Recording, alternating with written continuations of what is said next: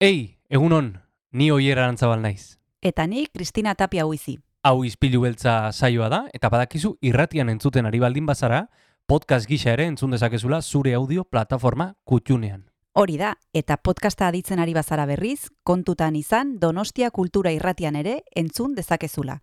FM eundazazpi puntu lau frekuentzian. Sare sozialetan ere topatuko gaituzu noski, izpilu beltza bilatuta, Instagram, Facebook eta Twitterren. Besterik gabe, guazen gaurko saioarekin. Az gaitezen,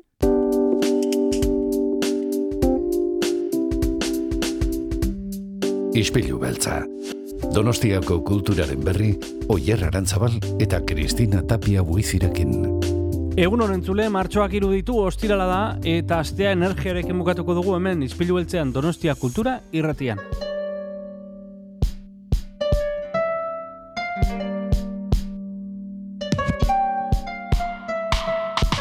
Donostia Kultura irratian gaude, egunon Kristina, egun oier, ongi zabiltza. primeran. E, ostirala da, aste amaiera, aste burua daukago aurretik deskantxo pixkat egiteko, eta, eta gainera ostiraletako ohiko bide horria dak, dakarkigu. Bai, badekizue ostiraletan gustatzen zaigula literaturari buruz aritzea, eta gaur etorriko da Ruben Bidal, bera liburuzaina da egian, eta badekizue berak beti gomendatzen dituela komikiak, komiki ederrak, pila bat daki gai honen inguruan, eta oso gustora goten gara berarekin hitz egiten, eta gainera izango dugu gurekin Lourdes Elorza, berak e, arte y expresión eta mindfulness para personas mayores e, izena duten ikastaroak eskaintzen ditu, eta justu oso gauza interesgarria iruditzen zain niri behintzat, eta ikusiko zu oier e, baliagarriak diz, zaizkizun gauzak esango ditula Lourdesek, eta hori da gaurko prestatu duguna. Bueno, ez da gutxi, ez da Ez. gutxi, gainera zer errastik ere musika zalaituko digu saioa, eta berarekin hasiko gara. Hori da, guazen gaurko izpilu beltzarekin.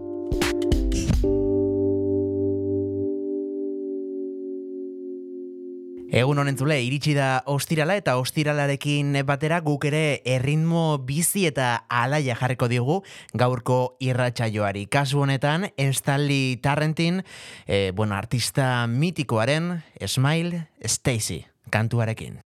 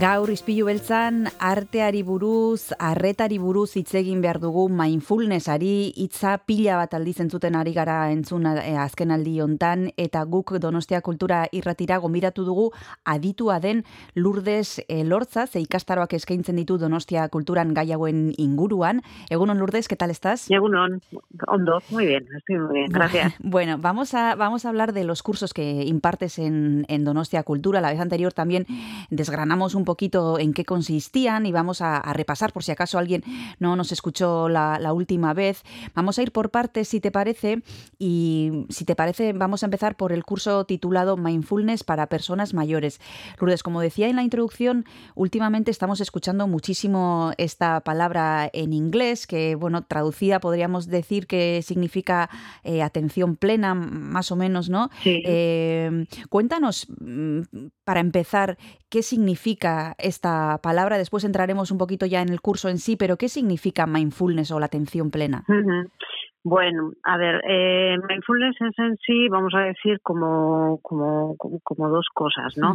Entonces, una es eh, un estado mental, es una actitud también en la vida, vamos a decir, y luego, por otro lado, es una serie de herramientas psicológicas eh, que nos ayudan a alcanzar ese, ese estado o esa actitud, ¿no? Esa presencia en la vida. Nos ayudan a relacionarnos con el presente de otra manera, ¿no? Siempre estamos como peleándonos y buscando eh, justo aquello que no tenemos, ¿no? Entonces, bueno, pues es vivir desde otro punto, ¿no? Aprender eh, sobre todo el tema de la aceptación, ¿eh? que no es resignación. Por ahí va la cosa. Sí. Y esto es algo nuevo, Lourdes, es un concepto nuevo, porque a pesar de que lo estamos escuchando como últimamente mucho, esto al final, eh, pues es de estar en el presente, prestar atención a lo que uno está haciendo de forma consciente, esto es algo bastante viejo, ¿no? En realidad. En realidad sí, en realidad es tan, tan viejo como, como nosotros, ¿no? Como dicen que, que el diálogo interno, que es ese eh, charla que tenemos con nosotros mismos, ¿no? Que, que está en todo momento evaluando, criticando, comentando, cuestionando, describiendo el mundo, ¿no? en lo que me gusta, lo que no me gusta, que es nuestro motor, pero a la vez nos da mm. mucho problema porque siempre que queremos cambiarlo todo y no estamos nunca a gusto con lo que estamos y bueno, y nos metemos en esos estados rumiativos. Entonces, bueno, dicen que este diálogo interno los expertos pues lo tenemos desde que eh, empezamos a tener excedentes, es decir, desde que pasamos de la caza a, mm. cultivar y mm. entonces ahí empezamos a planificar y, y ahí es un poco donde, donde empezamos a darle vueltas a la cabeza, ¿no? Por decirlo de mm. alguna manera simple. Mm. Y en cuanto a cada persona en su evolución, pues es cuando empieza la comunicación y, entonces pues los siendo niños no empezamos también eh, la comunicación hacia afuera y hacia adentro no mm. y entonces, y este mm, eh, quiere decir que siempre ha estado presente pues desde eh, aquellos filósofos griegos bueno mm, siempre ha estado presente el, el, tema de cómo, en definitiva, reducir el sufrimiento, ¿no? Que es ese, ese es el tema al fin al final. Entonces esto siempre ha estado presente en la humanidad, ¿no? En el, desarrollo humano. Mm. Sin embargo, tal vez eh, en estos últimos tiempos eh, es verdad que es cuando más necesitamos, ¿no? De estas técnicas o de esta práctica, porque nos hemos metido en un círculo vicioso donde vamos casi la mayor parte del día en piloto automático, ¿no? Eh, estamos haciendo las cosas sin pensar que estamos haciendo y ya casi que nos sale todo solo y eso es algo muy propio de estos tiempos, ¿no? De estos tiempos en los que vamos corriendo, en los que no tenemos tiempo, en los que no paramos. No sé si tienes tú también esa sensación de que, de que últimamente esto es más necesario que nunca. Sí, sí, sí, de hecho es así, ¿eh? los estudios lo, lo, dicen. Eh, eh, somos los, los humanos más distraídos de toda la evolución. Mm. Eso lo, lo, mm. están diciendo, ¿no? Las estadísticas. Está muy está sobrevalorado la multitarea, el hacerlo todo rápido, con esto de los mm, bueno, pues de internet y también, pues te manda un correo y no me has contestado, pero ¿cuándo? Hace cinco Mm. minutos y dices, pero bueno, ¿qué es esto, no? Entonces, Mm. estamos viviendo como en una amenaza continua, ¿no? En un estrés que, que, que realmente, bueno, pues nos dejamos arrastrar un poco por, por, por todo esto, ¿no? Por la sociedad también de consumo, es así, ¿no? Mm. Es consumir, consumir, consumir y no y no somos capaces de, de parar y, y, y de quitarnos no esas gafas de condicionamientos que tenemos todos personales y culturales y sociales para, para poder darnos cuenta de que todo esto nos lleva a, pues pues a la no salud no a, a Mm. sufrir y, y, y al final a que también físicamente pues el cuerpo se, se dañe no con tensiones y y muchas cosas, ¿no? Y, y no, no, no, estamos metidos ahí en la, en la rueda esa del hámster, como digo, Sí, ¿no? Y, sí. y, y, y no, es que no paramos, no paramos. Entonces, si no paramos, no, no podemos darnos cuenta de, de, de que estamos perdiendo la vida. ¿no? Así suena un poco dramático, Sí, pero pero es que estamos viendo estamos en una en- no sé en un atardecer viendo el sol y estamos diciendo bueno y mañana qué o quedamos Ya. con los amigos que nos ha costado un triunfo quedar con ellos y tenemos que hacer otra y Sí. y, y, y estamos mm, ahí siempre acelerados no sí sí Sí, sí, sí. así es como vivimos Mm. Bueno, Lourdes nos va a contar en un ratito qué cosas podemos hacer y qué cosas eh, trata de enseñar ella en los cursos que imparte para que esto no sea así, pero antes nos vamos a tomar un descanso y para eso le voy a pedir que nos proponga una canción para compartir con los oyentes, Lourdes, con los oyentes. Lourdes, ¿qué, qué has pensado? Sí, tengo una pensada, pero yo no sé si me vais a entender, porque lo mío, desde luego, los idiomas no son. ¿eh? Entonces Seguro que te entendemos. Venga, a ver, lo- la- lo digo así tal cual, ¿eh? A Venga. Simple Man, ¿eh? A Sí. Simple Man de Line Skinner o algo así me parece que es el grupo. perfecto. Sí. Ahora mismo la ponemos y, dejamos a los oyentes con esta canción. tiene buen Volvemos enseguida. Eso es, con- volvemos enseguida con Lourdes Elorza.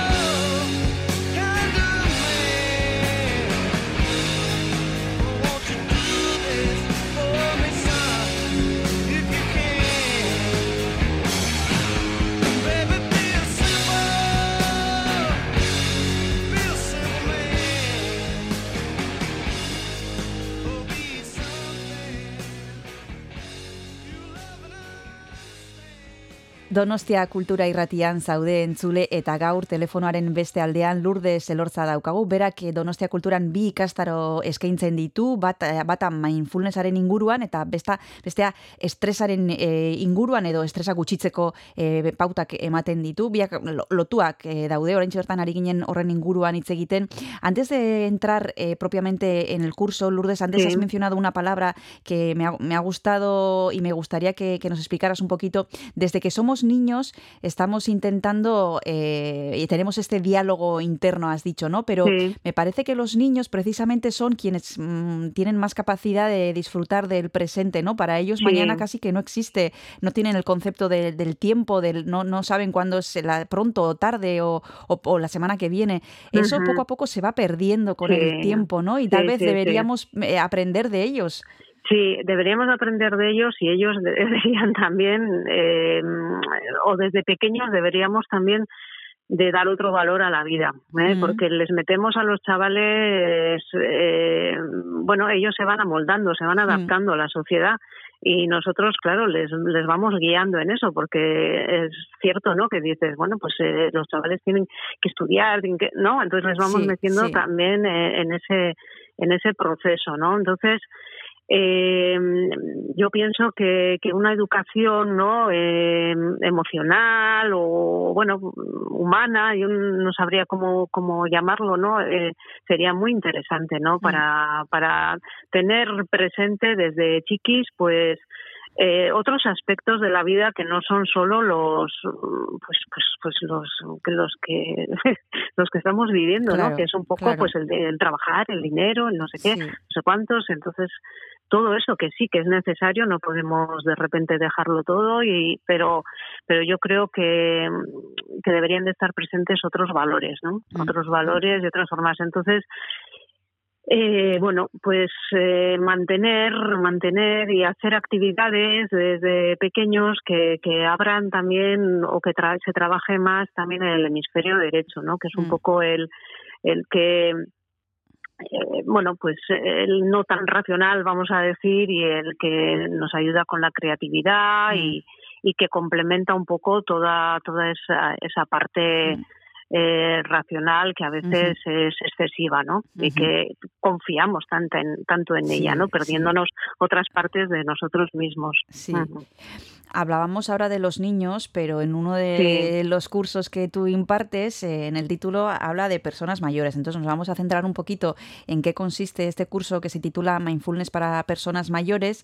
Eh, aquí, Mm. ¿qué es lo que vamos a, a poder sacar en claro? Quienes vayan, ¿qué, qué beneficios eh, van a encontrar Sí. en este curso, Lourdes? ¿Qué les vas a contar? Sí, mindfulness eh, tiene una base que es para todos la, la misma, Sí.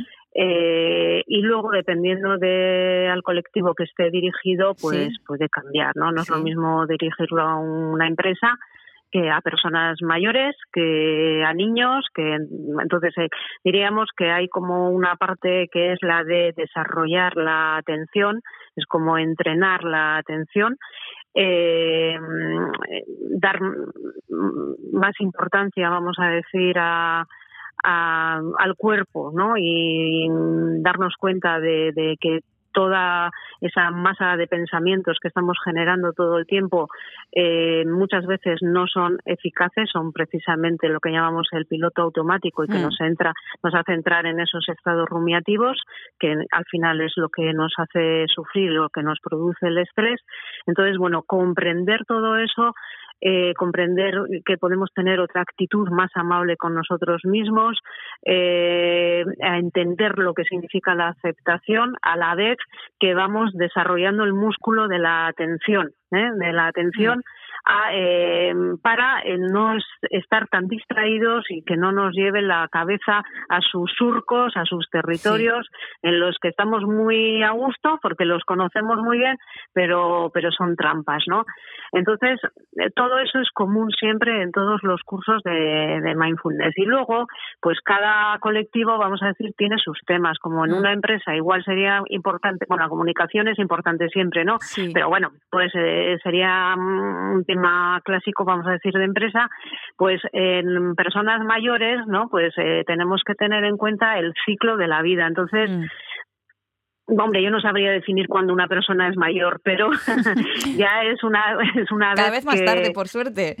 Sí, sí, pero, pero tiene que ver eh, más con que mm, tú ya hayas alcanzado una cima en la vida, ¿no? En la Sí, que sí, no es como cuando estás eh, empezando a trabajar, eh, formar una familia, ahí estás, bueno, tienes una serie de, mm, cos- mm, de, de- de- de, cosas en tu mente, ¿no? De, eh, que y luego pues una vez que ya has hecho todo eso bueno pues entonces eh, pasas a, a, a otro estado no vamos a decir y entonces mm, bueno pues todo eso eh, pues hay muchos más o puede haber eh, pensamientos más negativos, Mm. pensamientos alrededor de la enfermedad, de la muerte, eh, estamos cuidando personas mayores o, Mm. o ya tenemos nosotros también mm, algunos problemas.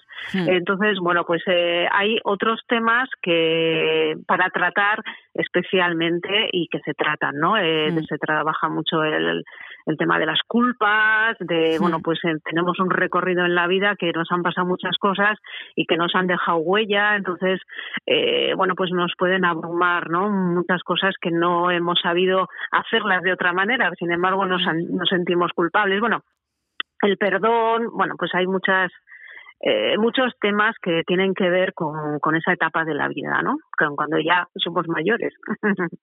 que bueno, así no sé cómo sabes definir la edad, pero bueno. Sí, sí, bueno, para personas mayores, eh, bueno, también eh, cada uno se, se ubicará donde, donde quiera, pero el, el título del curso es así, pero... Sí, bueno, normalmente, bueno, es plus 55, pero normalmente eh, las personas que vienen sí que son un poquito mm, pues más mayores, ¿no? Sí, Pues, sí, pues recién jubiladas o ya llevan un tiempo jubiladas, pero Mm.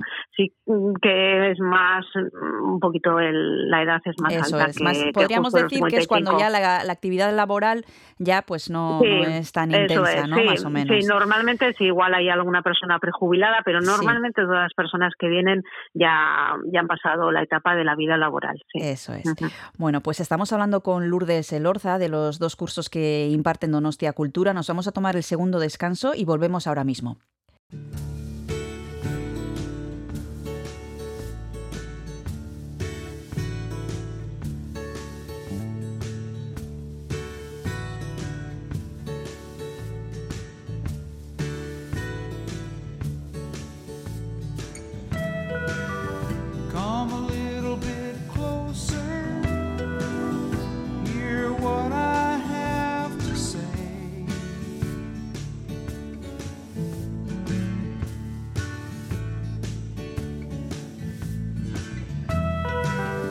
Just like children sleeping, we could dream this night away.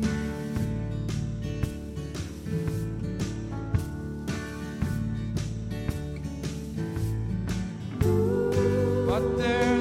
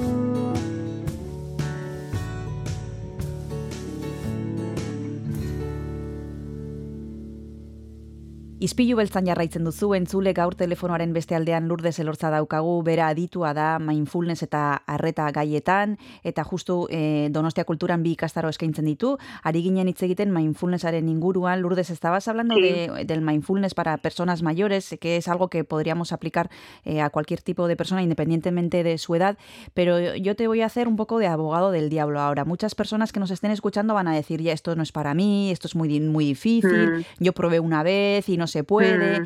En, bueno, eh, que- a estas personas, ¿qué les diríamos? Que con el entrenamiento se puede, eh, se pueden conseguir avances, se puede notar una pequeña diferencia, o esto tiene que ser solo para algunas personas. Eh, Es para todas las personas. O sea, científicamente Mm. está demostrado que si durante ocho semanas, eh, 20 minutos al día, eh, no todos los días tiene que ser. Bueno, hay una serie de estudios en los que nos dicen que hay cambios en la estructura del cerebro. Vamos, que eh, el tema eh, está estudiado, ahí hay no nuestra eh, amígdala, ¿no? que es la que la que es que se sobreactiva, ¿no? Eh, viviendo en la amenaza, en el estrés y que es la que un poco nos bloquea esa parte eh, racional para ver las cosas más claras. Eh, bueno, pues hay un hay estudios que nos que nos dicen que que, que bueno que todo esto eh, mejora, ¿eh? Eh, que, que tenemos la posibilidad de, de mejorar.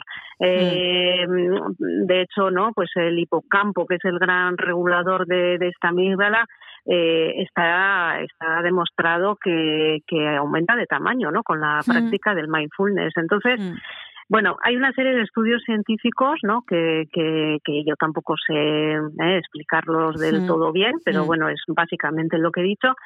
eh, que avalan, vamos a decir, no, la, la el mindfulness, no, la práctica de Mm. mindfulness. Entonces es para todos, o sea, todos tenemos nuestro cerebro es eh, es eh, plástico, es decir, es, tiene la capacidad de, de, de producir nuevas neuronas, nuevas conexiones pero para eso, eh, para ello tenemos que practicar ¿eh? entonces eh, ese es, eh, creen, tenemos que construir nuevos hábitos. Eso nuevos es. hábitos más saludables. Es cuestión, todo, nosotros funcionamos a base de hábitos. Mm, tenemos hábitos sanos, hábitos insanos, entonces de pensamiento tenemos muchos hábitos insanos, esos Sí.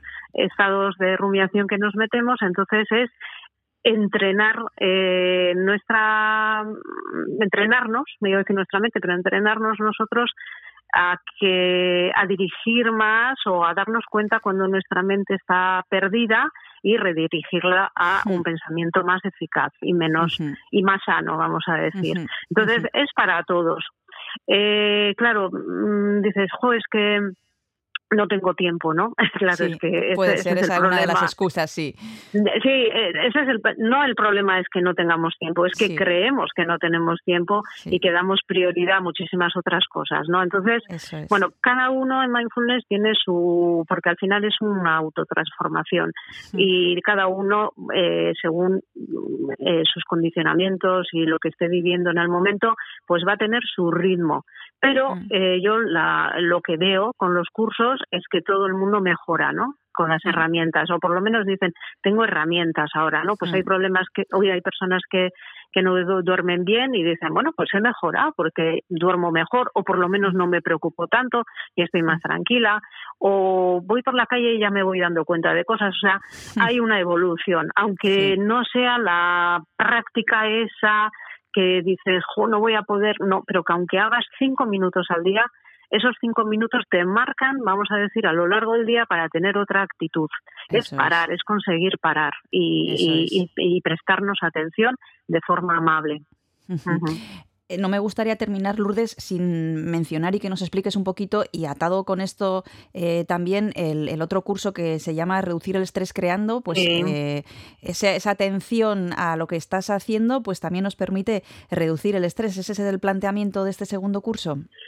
Bueno, es más amplio, pero pero en, reali- Sí. en realidad mm, eh, eh, sí, sí, a ver, hay un fluir, ¿no? Cuando es cuando estás Sí. creando hay un fluir en el que los dos hemisferios están, sobre todo el derecho está activo, ¿no? Estás activando el Sí. hemisferio derecho, pero también Sí. eh, favoreces a tiene el hemisferio izquierdo, siempre está, no podríamos prescindir de él, ¿no? Entonces ahí están en comunicación, están en diálogo, pero están fluyendo y entonces te estás relajando porque eh, tu cabeza está eh, atenta, ¿no? Es una otra manera también de como de prestar atención y no estar siempre en los mismos rollos, ¿no? Eso, eso por un lado. Eh, por otro lado, también está basado en lo que es la arteterapia. ¿eh? Entonces, aunque no es un curso, no se hace terapia, vamos a decir, no se Sí. llega a mm, como a interpretar eh, o mm, interpretar tampoco es la palabra, no se llega a trabajar con las obras, con lo que sale, pero pero sí está basado en que em, cuando tenemos la posibilidad de expresar nuestro interior nos sorprendemos ¿no? de, de, de, de todo lo que hay ahí y de lo que somos capaces. Y es una manera de expresión que con la palabra a veces no alcanzamos entonces, bueno, pues es un, también un regulador emocional y bueno, pues hay todo todo un mundo detrás de, Sí. de lo que es la, la creatividad, la expresión y Mm. descubrir descubrir que somos creativos y que eso nos da como un poder, ¿no? Porque es el poder como de elegir, ¿no? Darnos cuenta de que podemos elegir más de lo que elegimos o de lo que creemos que Sí. elegimos, ¿no? Bueno, Sí. es todo para un rato, para hablar un rato. Sí, sí. Eh, Lourdes, cuando, cuando hablábamos de, de crear, a- en concreto en el curso, ¿a qué, disciplina, ¿a qué disciplinas nos estamos refiriendo? ¿Es libre? ¿Tú propones eh, ciertas cosas? Eh, ¿Cada uno hace un poco lo que le apetece? ¿Cómo, cómo está articulado? Eh, mm, bueno, eh, igual al final, quiero decir, cuando ya se ha cogido un poco el truquillo, a lo mejor puedo dejar libre cada uno la técnica con la que quiera expresar algo, ¿no? Vale. Pero lo demás sí es dirigido. Entonces, eh, trabajamos con diferentes eh, pinturas, también de diferente manera eh, y luego también con, con barro, con materiales recicla- re- de reciclaje, eh, bueno, mm, con muchas cosas. Es que en realidad se puede trabajar con cualquier cosa, con, Claro. bueno, con, con cositas que puedas recoger en el campo, ¿no? Hojas, Mm. piedras, se puede trabajar con todo. Entonces, eh, realmente eh, el trabajo no es, no se dirige tanto hacia eh, el final, vamos a decir, lo que entendemos por la obra, sino por- Sí. se dirige más hacia el proceso. Entonces, lo Eso es. importante, eso es vivir el proceso de creación desde el cuerpo, eh, desde la respiración. Entonces, también hay, bueno, pues mindfulness está presente. Porque, claro, la tensión esa de solo hacer, ¿no? Al principio, bueno, va a hacer un dibujo, ¿no? Cada uno el que quiera. Y entonces ahí, pues bueno, pues ves la tensión de voy a hacer bien, voy a hacer mal. Empieza, yo de pequeña iba al cole y me decían que pintaba mal o yo hacía bien. Entonces da igual que tengas la- el concepto de que hagas bien o mal porque es una tensión. O sea, siempre Claro. hay una tensión. Entonces, Claro. Luego lo que se aprende es que podemos crear, podemos expresarnos eh, sin que haya esa tensión. Eh, sin, No hace falta, no hace falta, eso es todo mental. Eso es eh, otra vez eh, los surcos estos, los pensamientos acerca de lo que yo creo que soy, de lo que... Entonces, el, la capacidad de apartar todo eso y verme que puedo expresar sin eh, todos esos rollos es una libertad que pues que, que las personas pues pues les encanta experimentar no entonces eh, bueno pues ahí está no entonces el, que la capacidad de poder vivir sin todo ese peso de, de, de juicios de, Mm. de maltrato hacia uno mismo, de, de Hmm. bueno, de culpas, de ay, si hubiera hecho porque cuando no, ahora, en este momento, quítate Hmm. todo eso y, y, y expresa, ¿no? Y esa, esa es un poco la idea. Entonces. Mm, no, ha- no hay que saber hacer nada, en- solamente tener ganas de, de explorar, ¿no? Eso es, tener ganas de explorar, tener ganas de cambiar el rumbo de nuestras vidas. Eso es lo que nos propone Lourdes Elorza a través de estos dos cursos que son de lo más interesantes y son una maravilla, como ha tratado de explicarnos, aunque no tenemos todo el tiempo del mundo, pero bueno, algo yo creo que ha quedado. Espero es que que sí. ricasco, Lourdes Elorza, por haberte acercado a Donostia Cultura y Ratía. Un Vale. abrazo y hasta la próxima. Gracias a vosotros. Un abrazo. Agur. Agur, agur.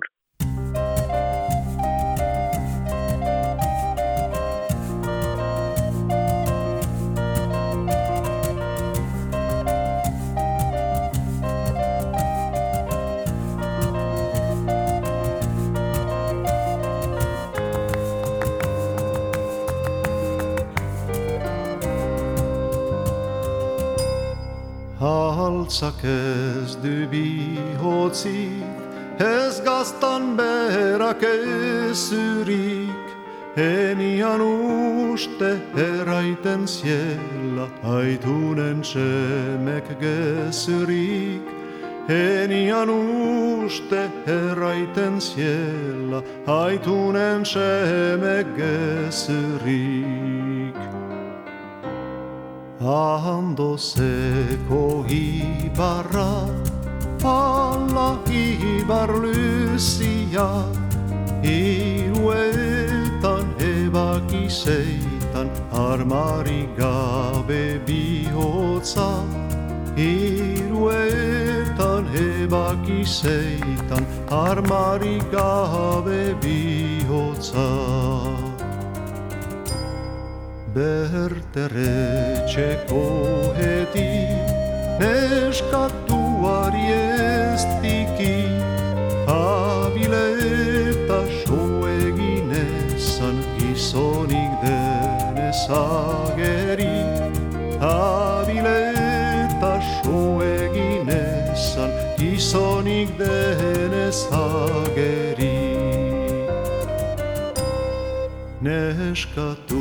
Neskatuak behala ikusi zian bezala Hiru dozena bazabiltzala leho batetik bestila Hiru dozena bazabiltzala leho batetik bestila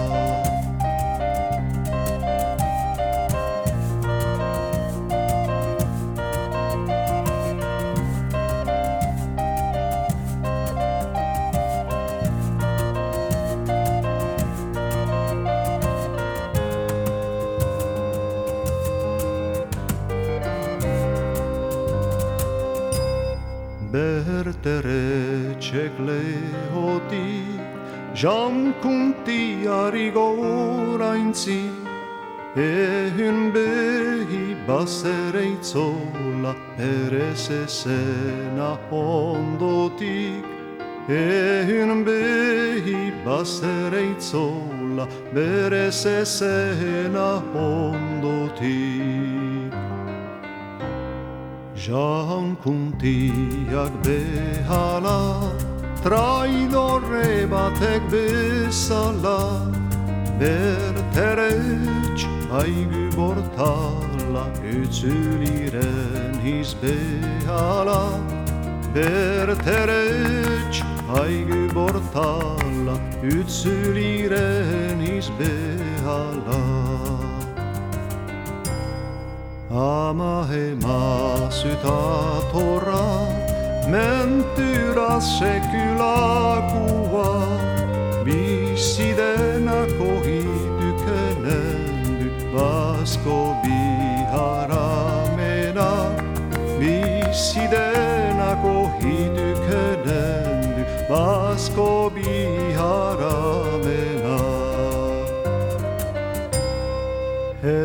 Helty ninsanes peldoira, han haric bati esteki, haric bati esteki eta bisia zeitan idoki. Haric bati esteki eta bisia zeitan idoki.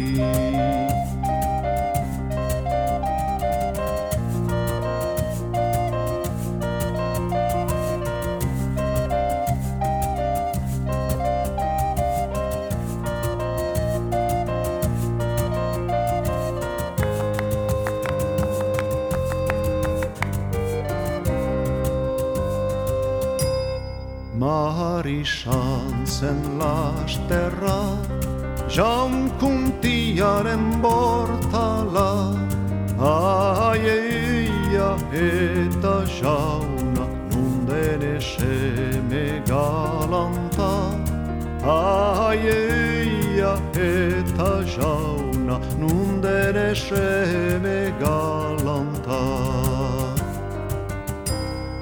Ik bahiana shemerik, bertereches besterik, estel doi altian dykilik, abileraikan bisirik, estel doi altian dykilik, abileraikan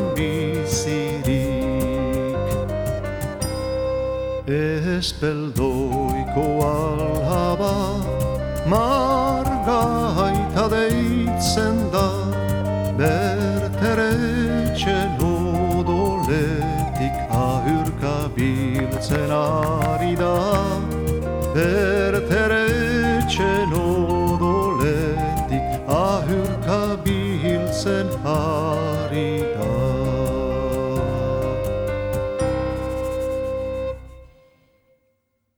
Gaur ostirala da entzule, badekizu ostiraletan literaturari buruz aritzen garela eta gaurko gonbidatua Ruben Bidal da, badekizue bera egia liburutegiko liburuzaina dela eta normalean e, komikiak ekartzen dituela. Gaurkoan ere horrelaxe egingo du eta aukeratu duen e, liburuak izena du Tunelez, e, Rutu Modanek e, egindakoa. Egunon Ruben, zer modu zaude?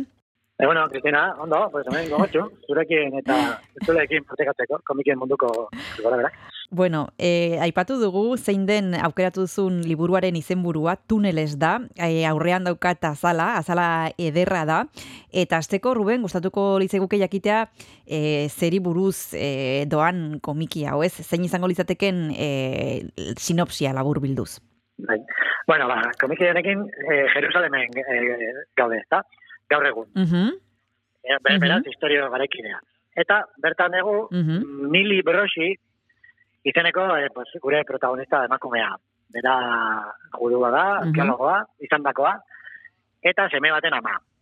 Seme horrek doktor izena du, bueno, ez dakit zergatik daukan izen hori, baina, bueno, askotan aipatzen da, doktor, ez fin.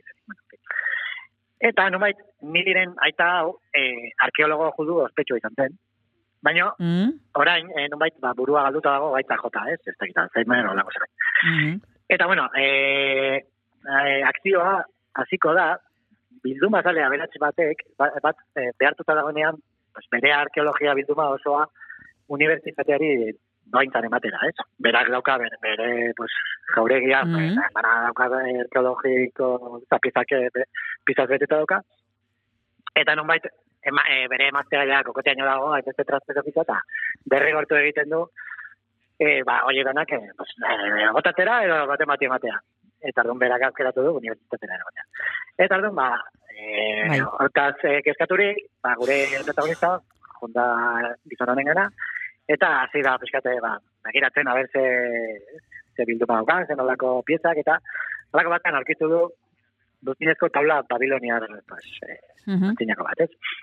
Eta hor, nunbait, ja, berak, eh, bera izan da, pues, ezagutzezun horretik, da, apenas azaldu da, eta Aha. hor, taula horretan, nunbait, azaltzen da, e, itunaren kutsa mitikoaren kokapena. Bada, Indiana Jonesen pelikula bezala, eh, Indiana Jones eta, eta eh, kutsa galdua, eta, ba, pues, hoxe bera. Mm. Eta, bueno, hortik abiatuta, orduan, hasiko da, kutsaren, Bai, kutsa horren bai. bilaketa, pues, nuke, ba, zoroa bezain kaotikoa.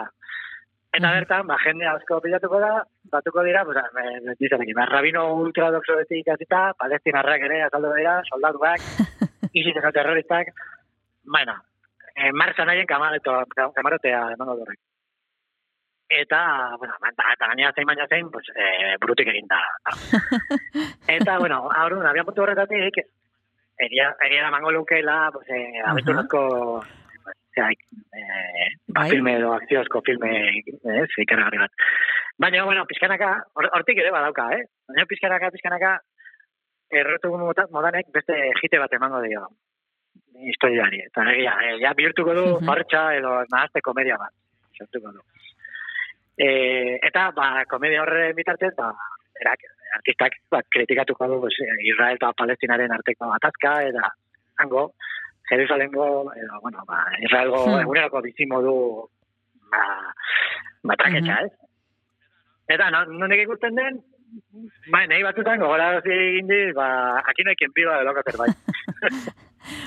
Komedia bat bezala ikusten dezuzuk abentura bat baino gehiago, erruen. Eh, bai, komedia... Edo bietatik dauka. Bi, biletatik dauka, eh? Biletatik dauka. Zira, Mhm. ba, zi, eh, ba, zirrera hori, ba, ba, dena Jonesen pelikuletan bezala, zirrera hori sartu zen, ostras, hau, eh, ba, itxunaren kutsa eta, ez, daukazu, ba, argituko ote dute, eta nolako izango da, eta hori, hori badago, badago ere, bai.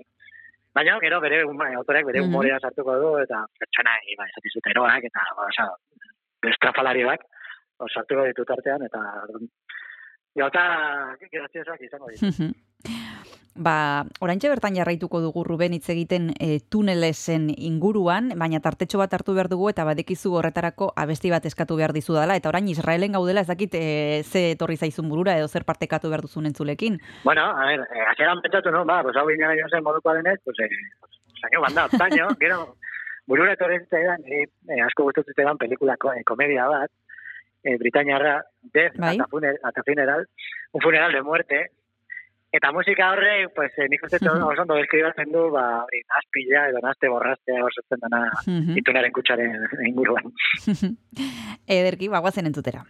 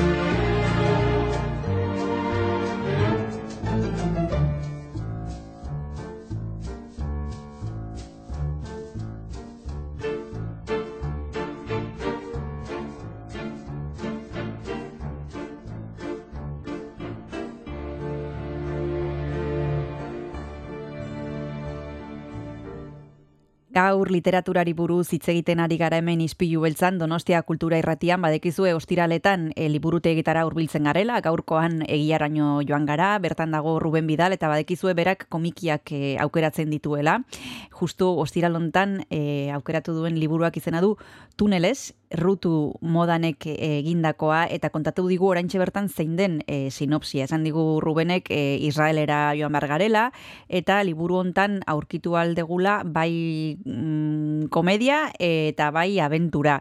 E, zer gustatu zaizu gehien bat e, liburu hontatik, Ruben? Zer azpimarratuko zenuke? Ba, bezkat, emozioen nazketa hori, ez? Azira, zirrara, ez? Ba, Mm. txikitako Indiana bezala.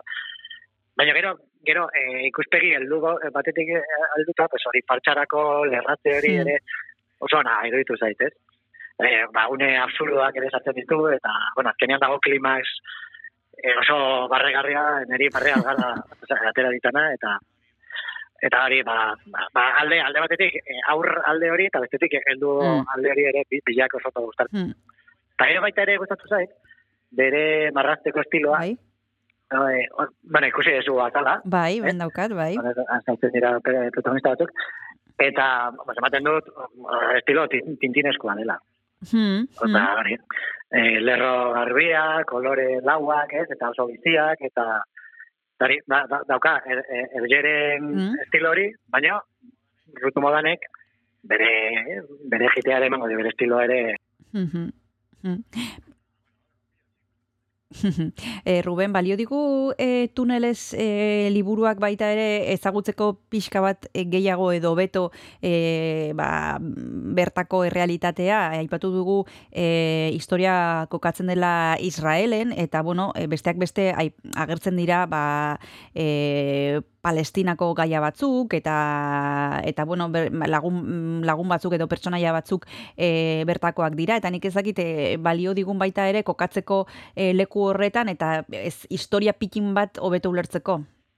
Bai, bai, bai, zagatu ez.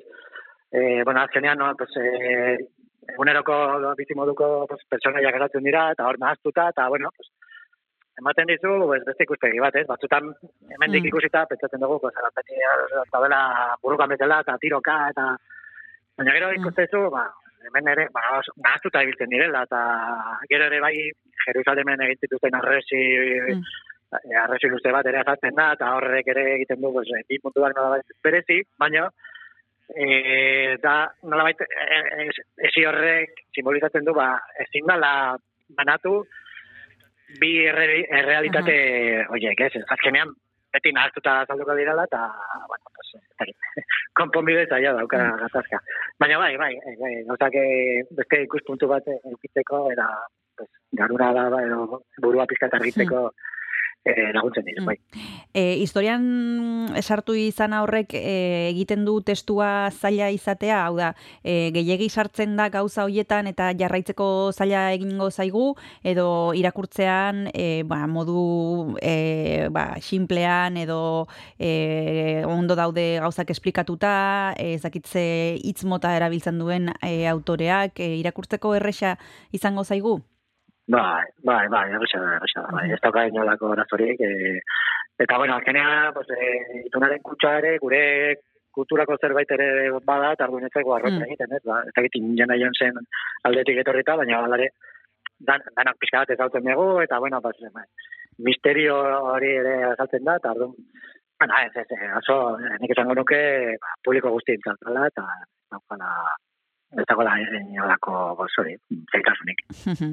e, publiko guztiarentzat e, zein adinetatik aurrera e, non jarriko zenuke mugarruen? Bueno, ba, ez esango nuke, pues, eh, ma, ma, magi amala urtetik aurrera, alako zerbait. Bai. Ze, esaten Bai. aventuraren teori, badauka, eta dut, agian, pues, eh, amabi amala urteko bati, eh, Mhm. gustatuko litzaioke. Gero egia da, pues, gero bihurtzen dela pixkat zainete, eta orduan, bueno, igual ez dio grazi handik egingo, baina, baina, bueno, ez dakit, ez dakit, bai, hortxe, hortxe, ibiliko da, Mhm. bai. Bueno, ba, oraintxe bertan jarraituko dugu liburu honen inguruan hitz egiten eta bere autorearen inguruan hitz egiten, rutu modan badekizue e, Israelgo autorea dela, eta, bueno, izugarrizko arrakasta izan du, oraintxe bertan jar, jarraituko dugu Rubenekin e, berari buruz hitz egiten, baina tartetxo bat hartu behar dugu, bigarrena, eta Ruben, lehen proposatu duzun abestia zen e, pelikula bateko soinu banda, eta bigarren tarterako ezakize pentsatu duzun. Bai, ba, beste komedia bat, ez? Eh, Aha. Nunca ver a los postres, eh, ere, ba, ba, la, ba, pues hori, eh, musika da komedia eta nik uste dut egoki datorkiola gaiari. Ederki, bagoazen entzutera.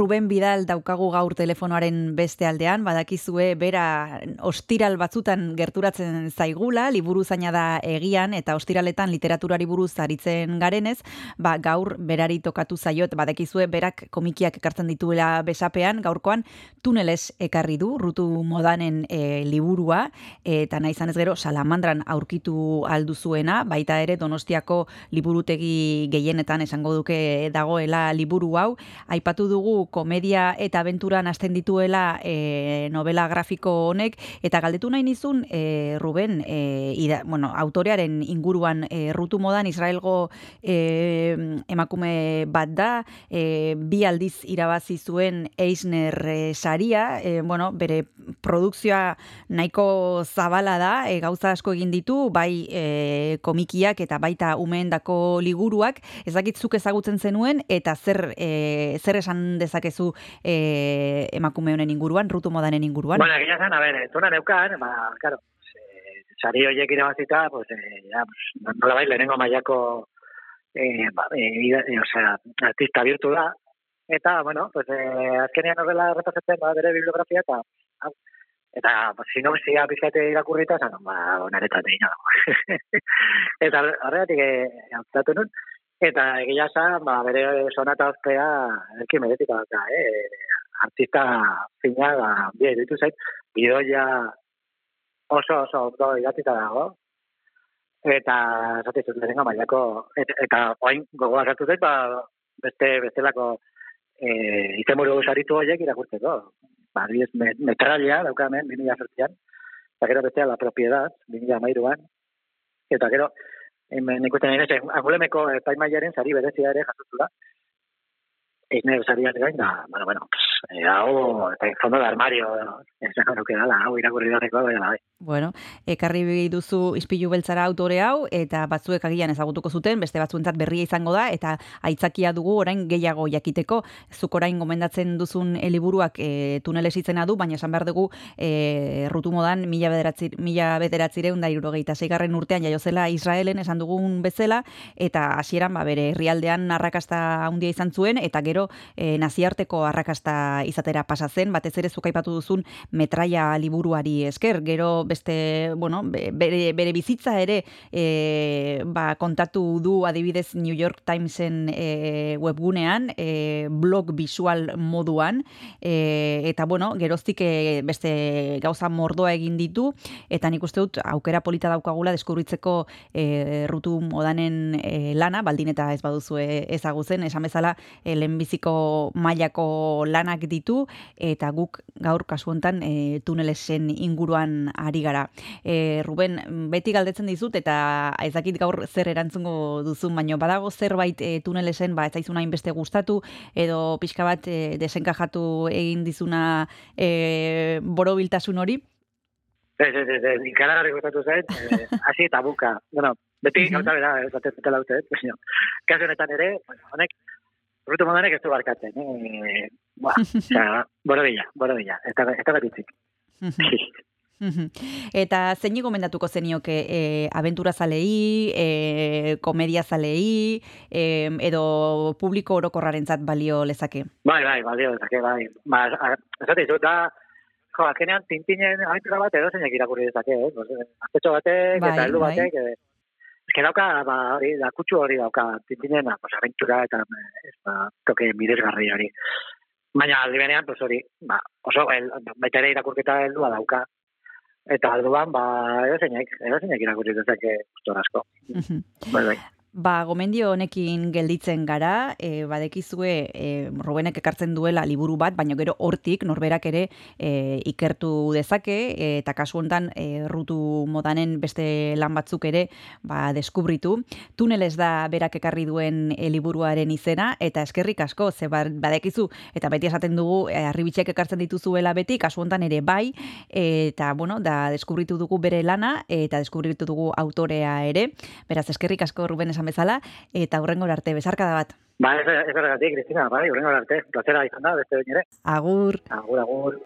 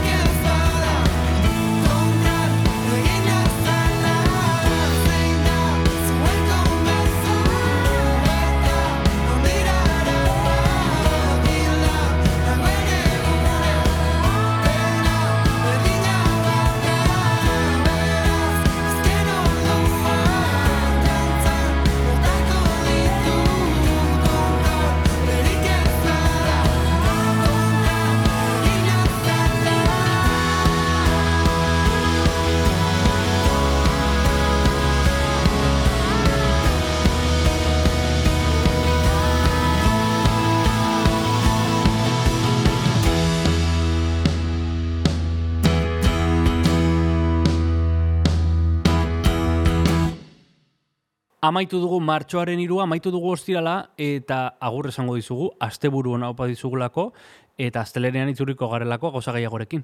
Gauza gehiagorekin, badekizue, astelenetan etortzen dela Mikel Iturria, agenda errepasatzera, asteko klabeak emango dizkigu kultur periskopioan, eta gainera izango dugu gurekin maite larburu.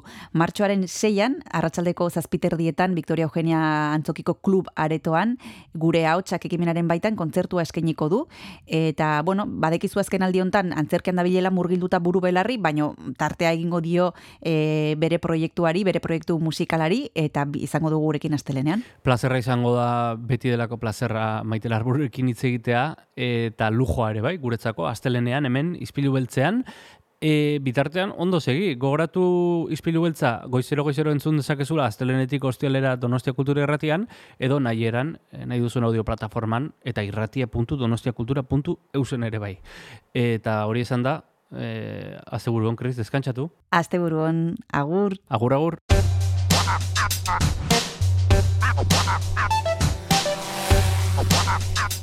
Donostia Kultura Irratia. Zabaldu gurekin Donostialdeko kulturaren leioa.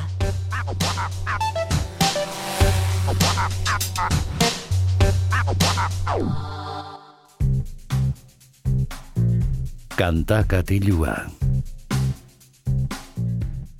Egun honen zule, zer moduz doa ostirala. Tira, hementxe jarraitzen dugu, eh? Ispilu beltza irratsaioan eta naiz eta aurrengo biegunak atxeden hartzeko hartuko ditugun, oraindik ere badugu tartea, eh? Gaur, kantakatilu atalean musikaz gozatzeko.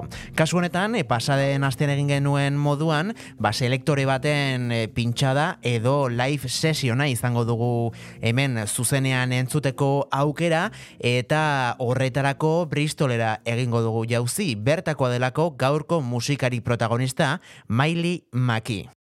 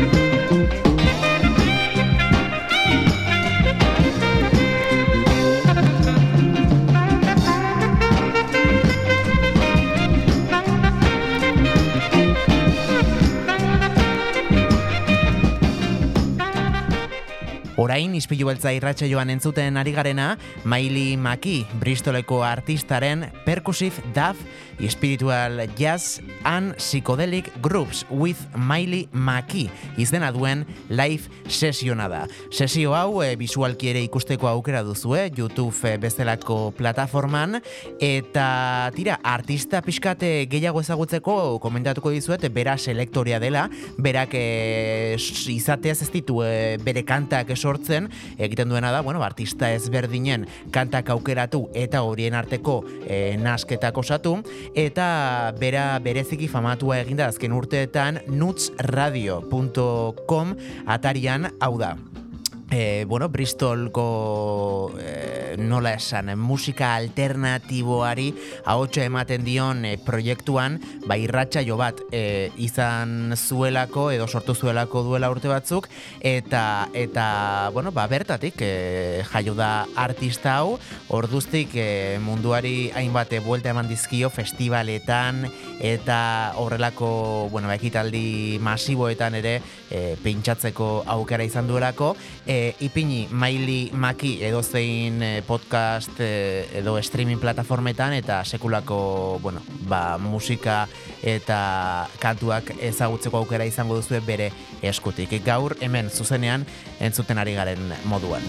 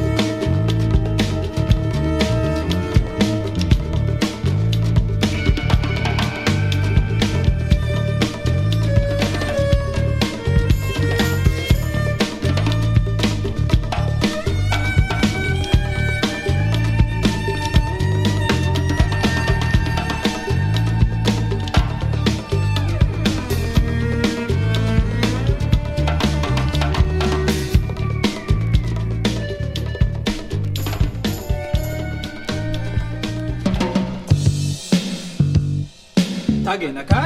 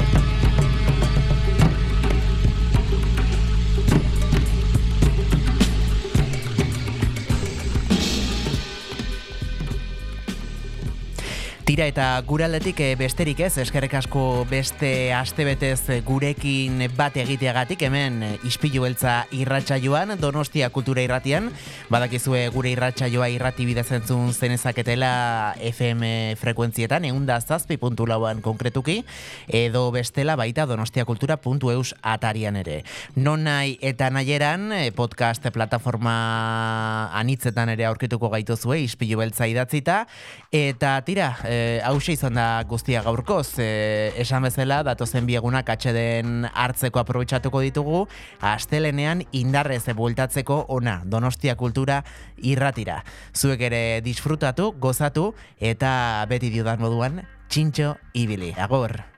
Ispilu beltza podcasta entzungai duzu irratia.donostiakultura.eus webgunean, Spotify, Apple Podcasten, Google Podcasten edo zure audio plataforma kutxunenean.